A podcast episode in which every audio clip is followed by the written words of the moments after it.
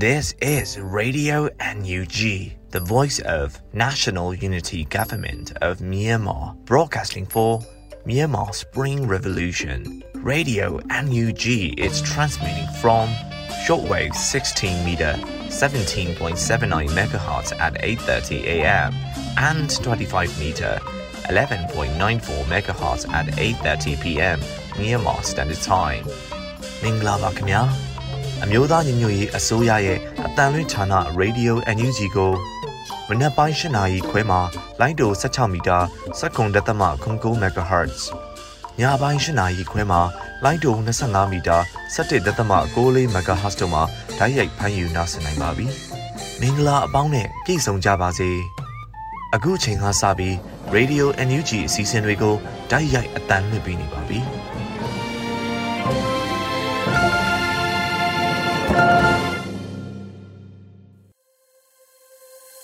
မြန်မာနိုင်ငံသူနိုင်ငံသားအပေါင်းတဘာဝပြီးဆရာနာရှင်ပြီးတို့ကနေကင်းဝေးပြီးကိုစိတ်နှပါဘေးကင်းလုံခြုံကြပါစေလို့ရေဒီယိုညူချီဖွယ်သားများကဆုတောင်းမေတ္တာပို့သလိုက်ရပါတယ်ရှင်။အခုချိန်ကစပြီးနောက်ဆုံးရသတင်းများကိုတော့လွတ်လပ်နေဦးကဖတ်ကြားတင်ပြပေးပါတော့မယ်ရှင်။မင်္ဂလာပါခင်ဗျာအခုချိန်ကစပြီး2023ခုနှစ်ဇန်နဝါရီလ23ရက်နေ့မနေ့ပိုင်းပြည်တွင်သတင်းများကိုစတင်ဖတ်ကြားပါတော့မယ်ကျွန်တော်ကလွတ်လပ်နေဦးပါ မဝေးလှသောအနာဂတ်တွင် လူမျိုးဘာသာအလုံးပါဝင်တဲ့မြန်မာပြည်တစ်ကိုတိဆောက်ကမတူကွဲပြားမှုများကိုအတူတကွအသိမှတ်ပြုကြိုးဆိုမယ်လို့တရုတ်နှစ်တစ်ကူကိုယာယီသမရကစုမုံကောင်းတောင်းလိုက်တဲ့သတင်းနဲ့စတင်ပေးပါမယ်။မဝေးလှသောအနာဂတ်တွင် လူမျိုးဘာသာအလုံးပါဝင်တဲ့မြန်မာပြည်တစ်ကိုတိဆောက်ကမတူကွဲပြားမှုများကိုအတူတကွအသိမှတ်ပြုကြိုးဆိုမယ်လို့တရုတ်နှစ်တစ်ကူကိုယာယီသမရဒူဝါလရှိလာကစုမုံကောင်းတောင်းလိုက်ပါတယ်။ ဇန်နဝါရီလ22ရက်နေ့မှာအမျိုးသားညီညွတ်ရေးအစိုးရမှယာယီသမရဒူဝါလရှိလာကအခုလိုတရုတ်နှစ်တစ်ကူကိုစုမုံကောင်းတောင်းပေးခဲ့တာဖြစ်ပါတယ်။မြန်မာနိုင်ငံနဲ့ကမ္ဘာတဝန်းရှိတရုတ်လူမျိုးများအတွက်ပျော်ရွှင်စရာတရုတ်နှစ်တစ်ကူဖြစ်ပါစေရန်စုမုံကောင်းတောင်းလိုက်ပြီးယုံနှစ်ကိုကြိုဆိုလိုက်ပါတယ်။မြန်မာပြည်ပွားတရုတ်များသည်လွန်ခဲ့သောနှစ်များအတွင်းအရေးပါသောပံ့ပိုးကူညီမှုများပြုလုပ်ခဲ့တယ်။မဝေးလှသောအနာဂတ်တွင်လူမျိုးဘာသာအလုံးပါဝင်တဲ့မြန်မာပြည်သစ်ကိုတိဆောက်က မတူကွဲပြားမှုများကိုအတူတကွအသိမှတ်ပြုကြိုးဆိုကြပါမယ်လို့ဆိုထားပါတယ်။အလားတူတရုတ်နှစ်တကူကိုအမျိုးသားညွရေးအစိုးရရဲ့ကာကွယ်ရေးဝန်ကြီးဌာနနဲ့နိုင်ငံခြားရေးဝန်ကြီးဌာနတို့ကလည်းစုမုံကောင်းများတောင်းပေးခဲ့တယ်လို့သိရှိရပါတယ်ခင်ဗျာ။ဆက်လက်ပြီးဂျာကာလာဒေသန္တရပြည်သူ့အုပ်ချုပ်ရေးဖော်ဆောင်မှုဗဟိုကော်မတီနဲ့ဂျာကာလာချင်းမျိုးသားအတိုင်းအမြံကောင်စီအစည်းအဝေးကျင်းပခဲ့တဲ့သတင်းကိုတင်ပြပေးပါဦးမယ်။ ဇန်နဝါရီလ22ရက်နေ့ကအမျိုးသားညီညွတ်ရေးအစိုးရဂျာကာလာဒေသန္တရပြည်သူ့အုပ်ချုပ်ရေးဖော်ဆောင်မှုဗဟိုကော်မတီနဲ့ဂျာကာလာချင်းမျိုးသားအတိုင်းပင်ခံကောင်စီတို့အစည်းအဝေးတရကျင်းပပြုလုပ်ခဲ့ကြပါတယ်။အစည်းအဝေးမှာဂျာကာလာဒေသန္တရပြည်သူ့အုပ်ချုပ်ရေးဖော်ဆောင်မှုဗဟိုကော်မတီဥက္ကဋ္ဌပြည်ထောင်စုဝန်ကြီးချုပ်ကိုစားဗဟိုကော်မတီဝင်ပြည်ထောင်စုဝန်ကြီးဒေါက်တာဇော်ဝေစိုးနဲ့ဂျာကာလာချင်းမျိုးသားအတိုင်းပင်ခံကောင်စီရဲ့တဘာပတိအဖွဲ့ဝင်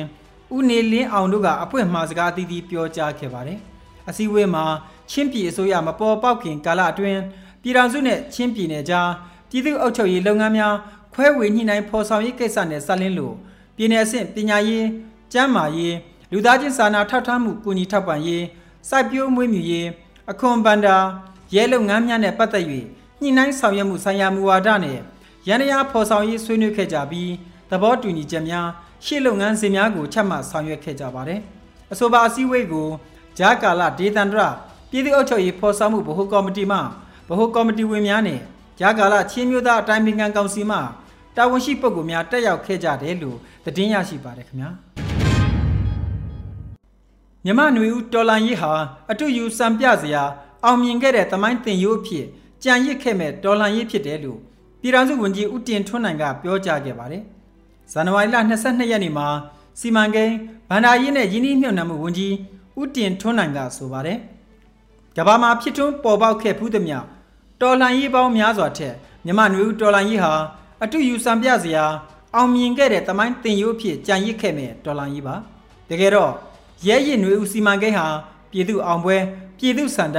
ပြည်သူမျှော်ကြီးရာအရေးတော်ပေါ်မအောင်မြင်စရာဘာကြောင့်မှမရှိဘူးလို့ဝန်ကြီးကဆိုပါတယ်အန်ယူဂျီအစိုးရရဲ့ရဲရည်နွေဦးစီမံကိန်းနဲ့ပတ်သက်ပြီးလွန်ခဲ့တဲ့3လလောက်ကတည်းက စီမံဘန္ဒာဝန်ကြီးဌာနကအချိန်ယူပြင်ဆင်ခဲ့ခြင်းဖြစ်တယ်လို့သိရပါတယ်။လက်တွေ့မှာဇန်နဝါရီလ22ရက်နေ့ည10:00နာရီအချိန်အယောင်စတင်ဖွင့်လှစ်ရမှာ Spring Villa Condominium ရဲရင်တွေကွန်ဒိုတိုက်ခန်းများအလုံး18နိုင်ရီအတွင်းရောင်းချခဲ့ရပါတယ်ခင်ဗျာစစ်ကောင်စီရဲ့ចောင်းပေါင်းများစွာမှဆရာဆရာမမလုံလောက်မှုတွေကြုံတွေ့နေရပြီလို့ပညာရေးဒုဝန်ကြီးဒေါက်တာဆိုင်းခိုင်မျိုးထွန်းကအသိပေးပြောဆိုလိုက်ပါတယ်ဇ န်နဝါရီလ22ရက်နေ့မှာအမျိုးသားညွေရေးအစိုးရပညာရေးဝန်ကြီးဌာနမှဒုဝန်ကြီးဒေါက်တာစိုင်းခိုင်မျိုးထွန်းကဆိုထားပါတယ်။တချို့တွေက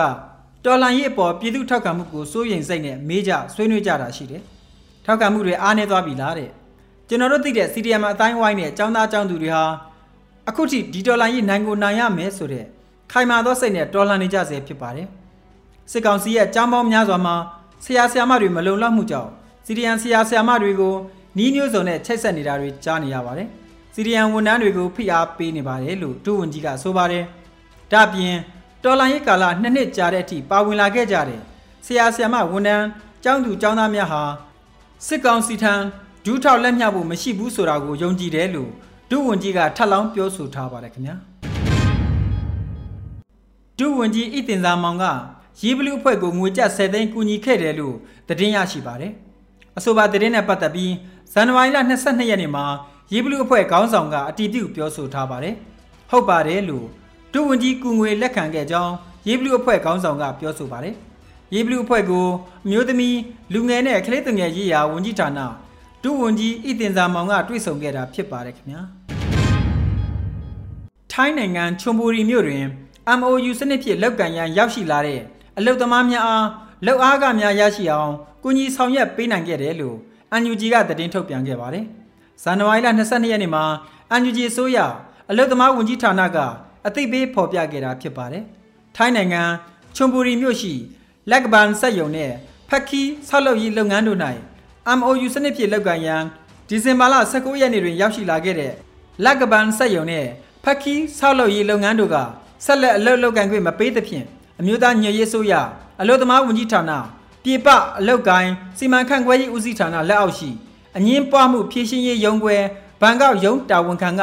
တွားရောက်ကူညီဖြည့်ရှင်းပေးခဲ့တယ်လို့ဆိုပါတယ်။အဆိုပါလက်ကပန်ဆက်ယုံမှအလုသမား30ဦးအားထိုင်းနိုင်ငံသို့ရောက်ရှိပြီးအလုတစ်သို့ပြောင်းရွှေ့သွားသည့်နေ့ထိလောက်အားခရဲ့85ရာခိုင်နှုန်းနဲ့ညီမျှသော99,600ဘတ်အား၎င်းဖက်ခီးဆောက်လုပ်ရေးလုပ်ငန်းမှအလုသမား10ဦးအတွက်26ရက်စာလောက်အားခ83,100ဘတ်အား၎င်း ရရှိရန်ကူညီဆောင်ရွက်ပေးနိုင်ခဲ့ပါတယ်လို့သတင်းကဖော်ပြပါတယ်။အမျိုးသားညွေရေးဆိုရအလုသမားဝန်ကြီးဌာနအနေဖြင့်ပြည်သူ့အစိုးရဖြစ်တည်တဲ့အညီအရေးပေါ်ကာလအခြေအနေတွင်လည်းပြည်တွင်းပြည်ပမြန်မာအလုသမားများရဲ့အလုသမားအခွင့်အရေးချိုးဖောက်ခံရမှုများအကျိုးခံစား권များရရှိအောင်တနိုင်တဲ့ဘက်ကအကူအညီပေးနိုင်ရေးအတွက်တိုင်ကြားရေးရန်တရားဖွင့်လှစ်၍ကူညီဆောင်ရွက်ပေးနေတယ်လို့အသိပေးထုတ်ပြန်ထားပါတယ်ခင်ဗျာ။ နှွေဦးတက္ကသိုလ်မှဖွင့်လှစ်တဲ့သင်တန်းအလုံးကို UNG ပေးဖြစ်အားဖြင့်တက်ရောက်နိုင်ပြီလို့သတင်းရရှိပါတယ်။ဇန်နဝါရီလ22ရက်နေ့မှာ UNG ပေးစာမျက်နှာမှတဆင့်အသိပေးပြောဆိုထားပါတယ်။ Lunar New Year's အချိန်ခါတမရမှာစတင်ကចောင်းသားចောင်းသူများအနေနဲ့နှွေဦးတက္ကသိုလ်မှဖွင့်လှစ်တဲ့သင်တန်းအလုံးကို UNG ပေးဖြစ်အားဖြင့်တက်ရောက်နိုင်ပြီဖြစ်ပါတယ်။နှွေဦးတက္ကသိုလ်အနေနဲ့ចောင်းသားပြည်သူများနဲ့အတူတူတော်လန်ရေးကိုတထောက်တနေရာကနေဆက်လက်အားဖြင့်ရန်ရည်တမ်းပြီး အကြမ်းဖက်စစ်ကောင်စီရဲ့ဗန္ဒာရေးရန်တရားမှလုံးဝလွတ်ကင်းပြီးလုံခြုံမှုအပြည့်ရှိသောငွေပေးငွေယူစနစ်တစ်ခုဖြစ်တဲ့အန်ယူဂျီပေးဖြစ်တင်ဒန်းများကိုတက်ရောက်အားဖြည့်နိုင်ပြီဖြစ်ကြောင်းတည်င်းကောင်းပါပရစေလို့တည်င်းထုတ်ပြန်ဖော်ပြထားပါတယ်။ယခုလက်ရှိຫນွေဦးတက်ကတူမှဖွင့်လှစ်ထားတဲ့တင်ဒန်းများကိုသက်ဆိုင်ရာစာမျက်နှာများမှာအသိပေးဖော်ပြထားပြီးစိတ်ဝင်စားလို့တက်ရောက်ခြင်းတဲ့ဆိုရင်သက်ဆိုင်ရာ link များမှာတဆင့်ဝင်ရောက်စီးရင်သွင်းရှောက်ထားနိုင်ပြီဖြစ်ပါတယ်ခင်ဗျာ။ Supreme Villa Condominium ရဲရင်တွေဦးကွန်ဒိုတိုက်ခန်းများအလုံး18နိုင်ရီတွင်အယောင်းကုန်၍စုစုပေါင်းရောင်းရတန်ဖိုးမှာအမေရိကန်ဒေါ်လာ10.35မီလီယံဖြစ်တယ်လို့သတင်းရရှိပါတယ်။ဇန်နဝါရီလ22ရက်နေ့မှာ Supreme Villa Condominium ရဲရင်တွေအယောင်းနဲ့ပတ်သက်၍ EOD ကအသိပေးထုတ်ပြန်ထားပါတယ်။ Supreme Villa Condominium ရဲရင်တွေဦးကွန်ဒိုတိုက်ခန်းများအားလုံးစတင်ရောင်းချသည့်အချိန်မှ18နိုင်ရီအတွင်း တိုက်ခန်းအားလုံးအကုန်ရောင်းချရပြီဖြစ်ပါတယ်။စုစုပေါင်းရောင်းချတန်ဖိုးမှာအမေရိကန်ဒေါ်လာ10.35မီလီယံဖြစ်ပါတယ်။တခဲနဲ့ပါဝင်အားပေးခဲ့ကြတဲ့ရဲရင်ပြည်သူများအားလုံးကို EOD Project Team အဖွဲ့သားများအားလုံးမှလေးစားဦးညွှတ်လိုက်ပါတယ်လို့ဆိုထားပါတယ်။ရဲရင်တွေကွန်ဒိုရှိ အခန်းပေါင်း980ကိုဇန်နဝါရီလ22ရက်နေ့ည10:00နာရီအချိန်မှစတင်အယောင်ဖွင့်လှစ်ခဲ့တာဖြစ်ပါတယ်။ရဲရင်တွေကွန်ဒိုကိုကဘာအေးဖျားလမ်းမပေါ်ရှိ 106အကြမ်းဖက်စစ်တပ်ပိုင်းမြေနေရာကိုဥပဒေနဲ့အညီသိမ်းယူပြီးကွန်ဒိုတိုက်ခန်းများဆောက်လုပ်မဲ့စီမံကိန်းဖြစ်ပါတယ်ခင်ဗျာ။စကိုင်းတိုင်းကမ်ဘလူးနယ်ကိုးတောင်ဖို့ဘက်သို့ပြန်လည်ဆုတ်ခွာလာတဲ့စစ်ကောင်စီတပ်စစ်ကြောင်းကိုကာကွယ်ရေးတပ်များပစ်ခတ်ရမှစစ်ကောင်စီတပ်က3ဦးသေဆုံးခဲ့ပါတယ်။ဇန်နဝါရီလ22ရက်နေ့မှာစစ်ရေးတရင်ကို KR team ကအသိပေးထုတ်ပြန်ထားတာဖြစ်ပါတယ်။ဇန်နဝါရီလ22ရက်နေ့လက်နက်တွင်ဝယုံခုံကြီးရွာရှိဈေးဆိုင်အား ကိုးတောင်ဖို့မှထွက်လာသောစစ်ကောင်စီတပ်အင်အား53ဦးဟာမိရှို့ခဲ့ပြီးဝယုံခုံရွာမှကိုးတောင်သို့ဆောက်ခွာရလမ်းတွင်ကောလင်းခရိုင်တပ်ရင်း1ဇင်ရော်လေးတပ်စိတ်ကြော်ကြီးတပ်စိတ်နဲ့ကောလင်းမြို့နယ်ပြည်သူ့ကာကွယ်ရေးပကဖတို့မှခမရ363ကိုစတင်ပစ်ခတ်ခဲ့တယ်လို့ဆိုပါတယ်ဖြစ်စဉ်မှာတိုက်ပွဲအတွင်းစစ်ကောင်စီတပ်က3ဦးထပ်မံသေဆုံးကအများပြားထိခိုက်ခဲ့တယ်လို့ဆိုပါတယ်တိုက်ပွဲကြာချိန်တနင်္ဂနွေခန့်ကြာမြင့်ခဲ့ပြီး တော်လိုင်းရဲဘော်များဘက်မှအထိခိုက်မရှိပြန်လည်ဆုတ်ခွာနိုင်ခဲ့တယ်လို့သတင်းရရှိပါတယ်ခင်ဗျာပခောက်ကူဘက်မှကမ္မဘက်သို့ထွက်ခွာလာသောဖောကာ 6CR မိုင်းခွဲတိုက်ခိုက်ရာစစ်ကောင်စီတပ်က12ဦးသေဆုံးပြီး10ဦးထိခိုက်ဒဏ်ရာရရှိခဲ့ပါတယ်။ဇန်နဝါရီလ22ရက်နေ့မနက်6:30မိနစ်အချိန်မှမနက်6:42မိနစ်ကြားတွင်ပခောက်ကူဘက်မှကာမဘက်သို့ထွက်ခွာလာသောဖောကာ 6CR တိုက်ခိုက်နိုင်ခဲ့တယ်လို့မြိုင်ပကဖကအတီးပြုပြောဆိုထားပါတယ်။ ဇန်နဝါရီလ22ရက်နေ့မနက်6:30မိနစ်အချိန်မှ6:42မိနစ်ကြားတွင်ပခောက်ကူဘက်မှကာမဘက်သို့ထွက်ခွာလာသောဖောကာ 6CR မိုင်းပွိုက်3ပွိုက်ဖြင့်တိုက်ခတ်ခဲ့ရာစစ်ကောင်စီတပ်က12ဦးနေရာတင်တေဆုံးခဲ့ပါတယ်လို့သတင်းကဖော်ပြပါတယ်။ထိခိုက်ဒဏ်ရာရရှိသူ10ဦးအားလူမှုကူညီရေးရင်များဖြင့်ပကုတ်ကူဘက်သို့တည်ဆောင်သွားခဲ့ပါတယ်။၎င်းနေရာတွင်စတင်၍ဖောက်ခွဲတဲ့အချိန်မှစတင်ကစစ်ကောင်စီဘက်ကလက်နက်ကြီးလက်နက်ငယ်မျိုးစုံနဲ့ အနီးပတ်ဝန်းကျင်ရွာများသို့ရန်တမ်းပစ်ခတ်ခဲ့တယ်လို့သိရပါတယ်ခင်ဗျာ။အကြမ်းဖက်စစ်ကောင်စီမှစွန်တောင်ကြေးရွာနေရှိလူနေအိမ်အဆောက်အုံများကိုယမန်နေ့ညကတိုက်လေရင်နဲ့ဘုံကျဲတိုက်ခိုက်၍ထိခိုက်မှုများရှိခဲ့ပါတယ်။ဇန်နဝါရီလ22ရက်နေ့မှာမင်းတပ်ပြည်သူ့အုပ်ချုပ်ရေးဖွဲ့ကတည်င်းကိုအတီးပြုတ်ပြောဆိုထားပါတယ်။အကြမ်းဖက်စစ်ကောင်စီမှစွန်တောင်ကြေးရွာနေရှိလူနေအိမ်အဆောက်အုံများကိုဇန်နဝါရီလ22ရက်နေ့ည7:50မိနစ်အချိန်တွင် တိုက်ပွဲမရှိဘဲတိုက်လေရင်ဖြင့်ဘုံနှလုံးကျဲခဲ့ရာနေအိမ်ပျက်စီးဆုံးရှုံးမှုများရှိခဲ့ပြီးကြားတအူမတအူဘုံစံထိမှန်ပြီးမစိုးရိမ်ရဒဏ်ရာများရရှိခဲ့တယ်လို့ဆိုပါတယ်။ဇန်နဝါရီလ22ရက်နေ့မနေ့7နာရီဝန်းကျင်တွင်လည်းအကြမ်းဖက်စစ်ကောင်စီတပ်မှမင်းတပ်မြို့ပေါ်တွင်တပ်ဆင်ထားသောဟောင်ဝစ်ဇာလက်နက်ကြီးများဖြင့်ငါးချက်ဆက်တိုင်ဝမ်မတူးကြေးရွာကိုပစ်ခတ်ခဲ့ပါတယ်။ယင်းပစ်ခတ်မှုထိခိုက်ဒဏ်ရာရရှိသူအနည်းငယ်ရှိပြီး နေအိမ်ပျက်စီးမှုများကိုမသိရသေးဘူးလို့ဆိုပါတယ်။အကြမ်းဖက်စစ်ကောင်စီမှယခုကဲ့သို့ကြေးရွာများကိုအကြောင်းမဲ့ဘုံကျဲခြင်းလက်နက်ကြီးများရန်တမ်းပစ်ခတ်ခြင်းများကြောင့်ကြီးရွာနေပြည်သူများထပ်ပြေးတိမ်းရှောင်နေကြရတယ်လို့သတင်းရရှိပါတယ်ခင်ဗျာတောတာရှင်များခင်ဗျာယခုတင်ပြပေးခဲ့တဲ့သတင်းတွေကိုရေဒီယို UNG သတင်းတောက်မင်းမင်းကပေးပို့တာဖြစ်ပါတယ်ခင်ဗျာ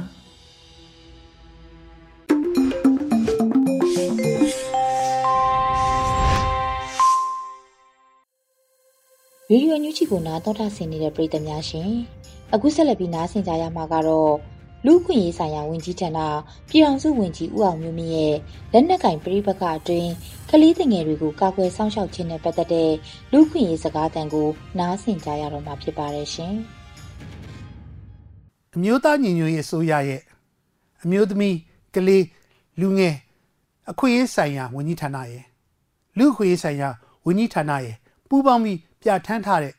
လက်နက်ကင်ပြိပခကာလအတွင်းကလေးများကိုကာကွယ်စောင့်ရှောက်ခြင်းမူဝါဒလမ်းညွှန်ချက်ထဲမှာအရွယ်မရောက်သေးတဲ့ကလေးတွေကိုစစ်မှုထမ်းစေခြင်းကနေကာကွယ်ပေးဖို့ဆိုတဲ့အကြောင်းအရာတစ်ခုပါဝင်ပါတယ်။ဘာကြောင့်လဲဆိုတော့ကျွန်တော်တို့မြန်မာနိုင်ငံမှာအကြမ်းဖက်စစ်ကောင်စီနဲ့တပ်မတော်လို့ခေါ်တဲ့တပ်ဖွဲ့တွေကကလေးစစ်သားကိုဟိုးရှေးအစဉ်စစ်တဲ့ကခေါ်ယူအသုံးပြုတာရှိပါတယ်။ ကလေးတွေရဲ့ဘဝကစာတင်ကျောင်းနဲ့ရောက်ရမယ်စာစစ်မြေပြင်မှာတနက်ကင်ပြီးတော့တိုက်ပွဲဝင်ရတဲ့ဘဝဆိုးတွေကြုံတွေ့ခဲ့ရပါတယ်အခုဒီကာလအတွင်းမှာလဲအသက်မပြည့်သေးတဲ့ကလေးတွေကိုစစ်သားဖြစ်ရည်ရွယ်ချက်ရှိရှိနဲ့အသုံးပြုတယ်ဆိုတဲ့သတင်းတွေရပါတယ်ကျွန်တော်တို့ဒီမိုကရေစီလူခွေးနဲ့ Federal ရေးတွေတိုက်ပွဲဝင်နေကြတဲ့ပြည်သူ့ကာကွယ်ရေးတပ်ဖွဲ့တွေအတွင်းမှာလဲမိမိတပ်ဖွဲ့အတွင်းမှာရှိတဲ့တပ်ဖွဲ့ဝင်တိုင်းက အသက်16နှစ်မပြည့်သေးတဲ့ကလေးသူငယ်တွေမဖြစ်ဖို့အတွက်အထူးလိုက်နာဖို့လိုအပ်ပါတယ်။ဘာကြောင့်လဲဆိုတော့အသက်16နှစ်မပြည့်သေးတဲ့ကလေးတဦးကိုအမျိုးသားဖြစ်စေအမျိုးသမီးဖြစ်စေလက်နဲ့ကင်ခိုင်းသည်ဖြစ်စေမကင်ခိုင်းသည်ဖြစ်ဖြစ်ပါစေစစ်တပ်အတွင်းမှာစစ်မှုထမ်းစေခြင်းကစိုးရတဲ့ကလေးအခွင့်အရေးချိုးဖောက်မှုဖြစ်ပါတယ်။ဒါကြောင့်မို့လို့အခုတင်ဆက်ထားတဲ့ကျွန်တော်တို့ရဲ့ကတ်တွန်းတရုပ်ဖော်မှုအတွင်းမှာ အသက်16နှစ်မပြည့်သေးတဲ့ကလေးတွေအတင်းကျပ်ဖြစ်ပါစေမိမိဆန္ဒလျောက်ဖြစ်ပါစေကျွန်တော်တို့ရဲ့စစ်တပ်ထဲမှာကျွန်တော်တို့ရဲ့ကာကွယ်ရေးတပ်ဖွဲ့တွေမှာမဝင်လာဖို့အတွက်အထူးသတိထားဘာတွေလုပ်ဆောင်ရမလဲကလေးတွေရဲ့အသက်အကိုစမ်းစစ်ပြီးတော့မဝင်သင့်တဲ့အသက်မပြည့်တဲ့ကလေးတွေစစ်တပ်ထဲမဝင်နိုင်အောင်ဘယ်လိုမျိုးလှုပ်ထိုးလုပ်နည်းနဲ့လှုပ်ဆောင်ရမလဲဒါအပြင်ဒီလိုမျိုးကလေးတွေရှိလာလို့ရှိရင် စစ်မှုထမ်းတဲ့နေရာကနေအမြန်ဆုံးဖယ်ရှားပြီးတော့မိဘနေရရင်းစီသို့မဟုတ်လုံခြုံတဲ့နေရာစီခိတ္တပြန်လဲပေးပို့ပြီးအသက်ပြေလာမှသူတို့ရဲ့ဆန္ဒအတိုင်းတက်ဒီလိုမျိုးတက်ဖွဲ့တွေဝင်ရောက်လာအောင်ဘယ်လိုလှုပ်ဆောင်ရမလဲဆိုတဲ့အချက်တွေဖော်ပြထားပါတယ်။ဒါအပြင်ကလေးစစ်သားအသုံးပြုမှုကကလေးအပေါ်မှာစိုးရတဲ့လူခွေးချိုးဖောက်မှုဖြစ်တဲ့အတွက်ကြောင့်မလို့ဒါမျိုးကြုံတွေ့မယ်ဒါတွေကိုတွေးရှိလာရင်ရောဘယ်လိုမျိုး တိုင်ကြားနိုင်မလဲဆိုတဲ့အချက်တွေကိုရှင်းရှင်းလင်းလင်းဖော်ပြထားပါတယ်။ဒါကြောင့်မလို့ကျွန်တော်တို့ရဲ့ပြည်သူကာကွယ်တပ်ဖွဲ့ဝင်တွေတာဝန်ရှိတဲ့သူတွေနဲ့မိမိရဲ့တပ်ထဲမှာအသက်မပြည့်သေးတဲ့ကလေးတွေကိုဝင်ရောက်လာဖို့မရှိဖို့အတွက်ချမှတ်ထားတဲ့စီမင်းစည်းကမ်းလှုပ်ထုံးလုပ်နည်းအတိုင်းတည်တည်ချာချာစီစစ်ဖို့အတွက်တိုက်တွန်းလိုပါတယ်။ရောက်လာတဲ့ကလေးတွေရောက်နေတဲ့ဟာကိုတွေ့ရှိလို့ရှိရင်လည်းအလင်းမြန်ဆုံးစစ်တပ်ကနေဖယ်ရှားပြီးတော့ လုံခြုံစိတ်ချတဲ့နေရာဒါမှမဟုတ်ရှင်မိဘနေရရင်းကိုပြန်ပို့ဖို့အတွက်လှုပ်ဆောင်ပေးဖို့လိုအပ်ပါတယ်။ဒါအပြင်ကလေးတွေရဲ့ကျန်းမာရေးစိတ်ပိုင်းဆိုင်ရာထိခိုက်မှုတွေကုစားပေးပြီးတော့သူတို့ရဲ့ဘဝပြန်ပြီးတော့ရက်ရွာအတွင်းမှာပြန်လည်ပေါင်းစည်းနိုင်မှုအစီအစဉ်တွေလူသားချင်းစာနာမှုအကူအညီတွေပံ့ပိုးပေးတဲ့အစီအစဉ်တွေလှုပ်ဆောင်ပေးဖို့အတွက်အထူးတိုက်တွန်းလိုပါတယ်ခင်ဗျာ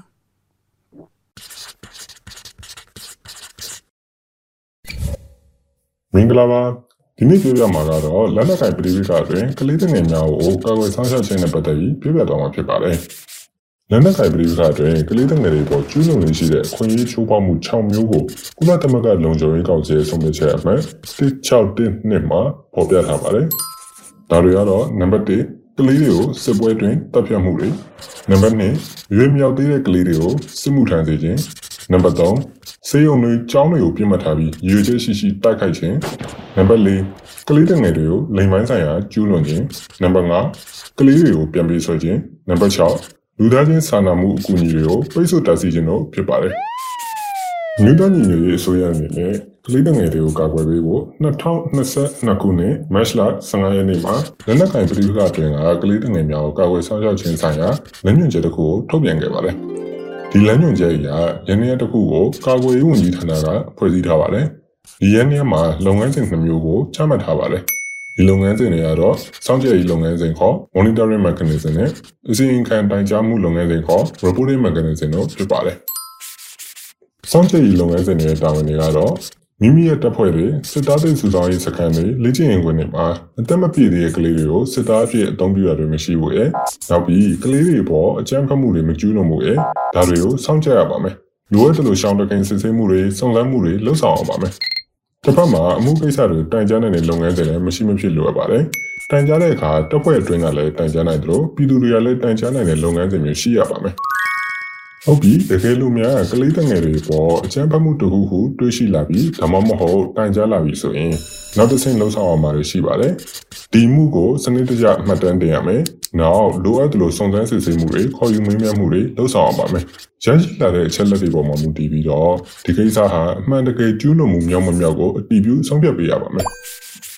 တကယ်ကျူးလွန်မှုမြောက်တယ်ဆိုရင်တော့လှုပ်ဆောင်အောင်မှာနှစ်ပိုင်းရှိပါတယ် တပိုင်းကတော့ကျူးလွန်ခံရတဲ့ကလေးတွေလိုအပ်တာတွေလှုပ်ဆောင်ပေးရမယ့်ပိုင်းဖြစ်တယ်။တကယ်လို့အသက်မပြည့်သေးတဲ့ကလေးတစ်ယောက်ကိုစစ်သားအဖြစ်စေခိုင်းနိုင်ဆိုရင်စစ်မှုထမ်းတဲ့တာဝန်ကနေချက်ချင်းဖယ်ရှားပေးပြီးတခြားလုံခြုံတဲ့နေရာကိုပြောင်းရွှေ့ပေးရမယ်။လိုအပ်တဲ့ရုပ်ပိုင်းဆိုင်ရာစိတ်ပိုင်းဆိုင်ရာကုသမှုတွေအားပေးနှစ်သိမ့်မှုတွေပံ့ပိုးပေးရမယ်။မိသားစုနဲ့ပြန်လည်တွေ့ဆုံနိုင်ဖို့ဒါမှမဟုတ်နေရရင်းကိုပြန်လည်ပေါင်းစည်းနိုင်မှုအတွက်ချိတ်ဆက်ပေးရမယ်။လိုအပ်တဲ့ကုညီပံ့ပိုးမှုတွေကိုလည်းပေးရရပါမယ်။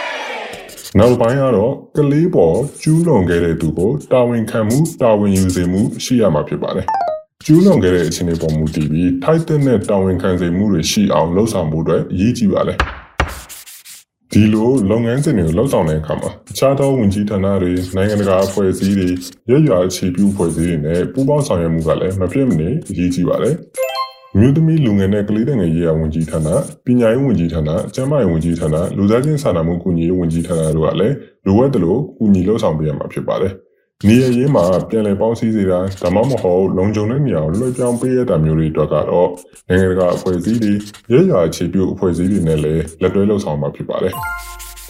ဒီလိုကလေးတငယ်တွေကိုကာကွယ်ပေးနိုင်မှုအတွက်မူဝါဒတွေလုပ်ငန်းစဉ်တွေရှိမှသာစောင့်ကြည့်လှုပ်ဆောင်နိုင်မှာဖြစ်တယ်လို့ကြိုတင်ကာကွယ်တားဆီးမှုတွေပြုလုပ်နိုင်မှာဖြစ်တယ် ဒီနေရာမှာအသိပညာပေးခြင်းလုပ်ငန်းစဉ်ကလည်းအင်မတန်အရေးကြီးပါတယ်ဒီလိုမူဝါဒတွေနဲ့စီတရားတွေကိုတပ်ဖွဲ့ဝင်တိုင်းနဲ့တာဝန်ရှိသူတိုင်းကသိရှိနားလည်လိုက်နာနိုင်မှုအတွက်အသိပညာပေးလုပ်ငန်းစဉ်တွေကိုလည်းလှုပ်ဆောင်ပေးရမှာဖြစ်ပါတယ်။ဒီနေ့ကတော့ဒီလောက်ပါပဲ။လက်နက်ကင်ပြည်ပကတွင်ကလေးငယ်များကိုကာကွယ်စောင့်ရှောက်ခြင်းဆိုင်ရာလမ်းညွှန်ချက်မှာပါတဲ့လုပ်ငန်းစဉ်တွေအတိုင်းကောင်းတယ်ဖို့လိုက်နာပြီးကလေးငယ်များကိုကာကွယ်တော့ကြပါစို့။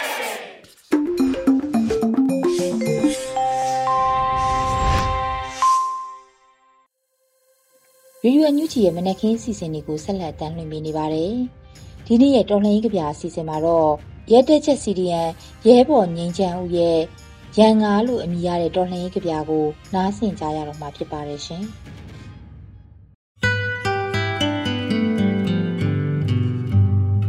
ရန်ငါရန်သူတွေနဲ့ငါဒီတော့နှစ်တေအကြာကြီးရေလိုက်ငါလိုက် ဟလဲတကင်းပျော်ပျော်ရွှင်ရွှင်ပေါင်းဖက်နေပြစ်ခဲ့တာတွေပြန်ပြန်တွေးကြည့်တော့အန်ကြီးမကဩခဲ့ရပါရဲ့တယောက်ရဲ့ရိတ်ခါကိုတယောက်ကအလွယ်နှိုက်စားလို့တယောက်ရဲ့ဒဏ်ရာကိုတယောက်ကစိတ်လိုလဲရရှာနဲ့ရက်ပြီးသွေးနဲ့ရေလိုလွယ်တကူရောလို့မရတဲ့ငါနဲ့သူတို့ ဘယ်လိုဘယ်လိုနှစ်20ကျော်ပေါင်းဖက်ဖြစ်ခဲ့ကြပါလေခုကြငါနဲ့တိတ်မရင်းနှီးတဲ့မင်းတို့နဲ့ဆက်ညက်ဘက်ဖြစ်နေတဲ့ဓမ္မဝါဒီတွေကငါ့ကိုချစ်ကြသူတွေငါကချစ်ရသူတွေငါဘက်တူသားတွေမင်းတို့ကငါရန်သူစစ်စစ်တွေငါမျက်ရည်ကိုရန်ကိုးတွေနဲ့အကြိမ်ကြိမ် ရိုက်ဖွင့်နေတဲ့မိစ္ဆာရဲ့လက်ယုံနေပန်းနိုင်ရောက်ပြီးမှပြန်ဆုံညလဲမင်းတို့ဟာငါရန်သူလက်ခုလက်မှာဆုံတွေ့ကြလဲအဖြေကမပြောင်းဘူးမင်းတို့အပေါ်စီးရတဲ့အခါငါအပေါ်ကျင်နာမှုတစိုးတစမှပြเสียမလို့ငါအပေါ်စီးရတဲ့အခါမင်းတို့အပေါ်ခွင့်လို့ ကျင်တာနားလေနိုင်စွမ်းရှိမရှိကငါအကတ်တက်နဲ့ငါပဲဒီຫນွေဥမှာငါရက်တဲ့ဘက်ကိုပဲငါအသက်ကိုရရရော်ရော်ပေးလူမယ်မင်းတို့အတွက်တော့ခုချိန်မှာမုံတစိတ်ခက်နှိတ်ထားပြီးဖြစ်တဲ့ငါဒေါသလောင်မီးတွေကလွဲလို့ဘာမှမရစေရဘူး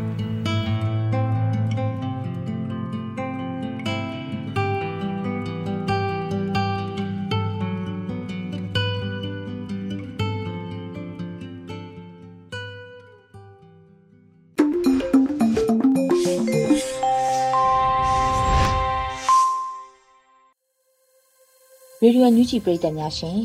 ဒီနေ့ရဲ့တော်လှန်ရေးတိဂီတာအစီအစဉ်မှာတော့တေးရီတေးဆိုဖြိုးသူရဲ့ညီစီတော်လို့အမည်ရတဲ့တော်လှန်ရေးတိဂီတာကိုနားဆင်ကြရတော့မှာဖြစ်ပါတယ်ရှင်။